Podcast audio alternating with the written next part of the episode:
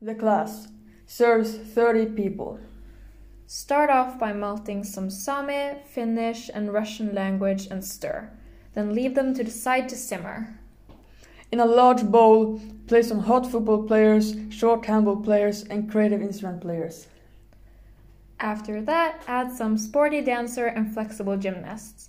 And after seven years, sprinkle some addicted K pop lovers. Mix at a high speed for 10 years, then let them rest for 2 months. In a medium sized melting pot, melt some kind artists, hype gamers, and fit skiers.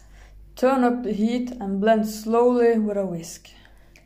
After the mixture is well blended, take the ingredients you put to the side earlier and mix it in. No need to mix for more than 3 years. In a heat proof bowl, sift some people that get to school by bus or walking. Note: You may find these ingredients at your local 10th grade store. Then take all the ingredients you've used so far and melt it all together. You should expect a sweet taste if you did it right.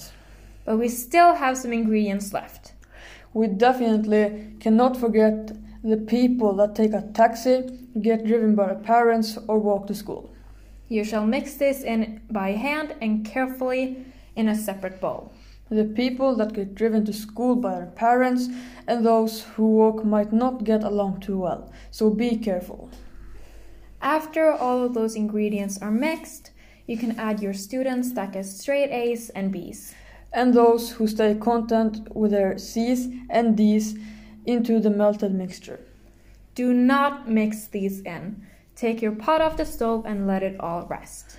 Then, by using a teaspoon, put some students that have had a significant odor than last three years in the mixture. And with a tablespoon, add some consistently single people. Then add all the ingredients into the pot and add them back onto the stove. Mix gently and carefully. All ingredients need time to develop perfectly. After 10 perfect years, you can finally share your beautiful creation with the world. Warning if not all ingredients are given equal amount of care, they will become yucky and hard to deal with.